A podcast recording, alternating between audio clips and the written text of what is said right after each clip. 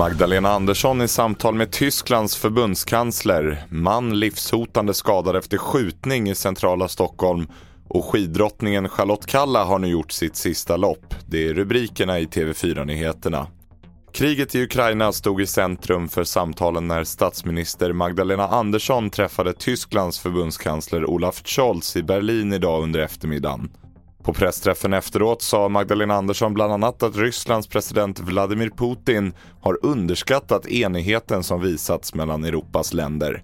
Utrikesreporter Ritva Rönnberg ger sin analys av mötet. Jag tycker att man eh, fortsatte att eh, betyga varandra enighet, eh, man står på samma sida, man vill se till att flyktingar får det, får det bra ska jag säga. Mm. Var en hel del prat där om krigsflyktingar och vad man kan göra för dem, att det finns enighet mellan Sverige och Tyskland där. Samtidigt väntas fredssamtalen mellan Ukraina och Ryssland dra igång imorgon i Turkiet.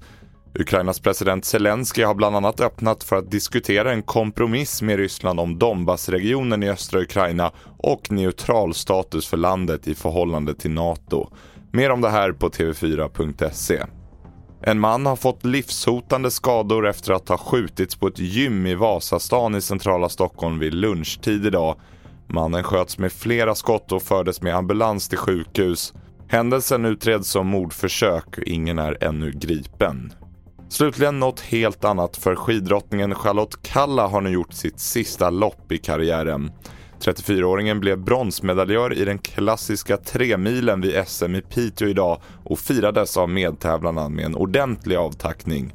Vi hör huvudpersonen själv berätta om känslorna efter loppet. Ja men det känns, det känns bra. Det var kul att tävla idag, en fantastisk publik. Det var Eh, det är ju en ganska publikvänlig bana. Vi eh, passerar på ganska många olika ställen så det känns som att man har hört röster överallt. Och det får avsluta TV4-nyheterna. Jag heter William Grönlund.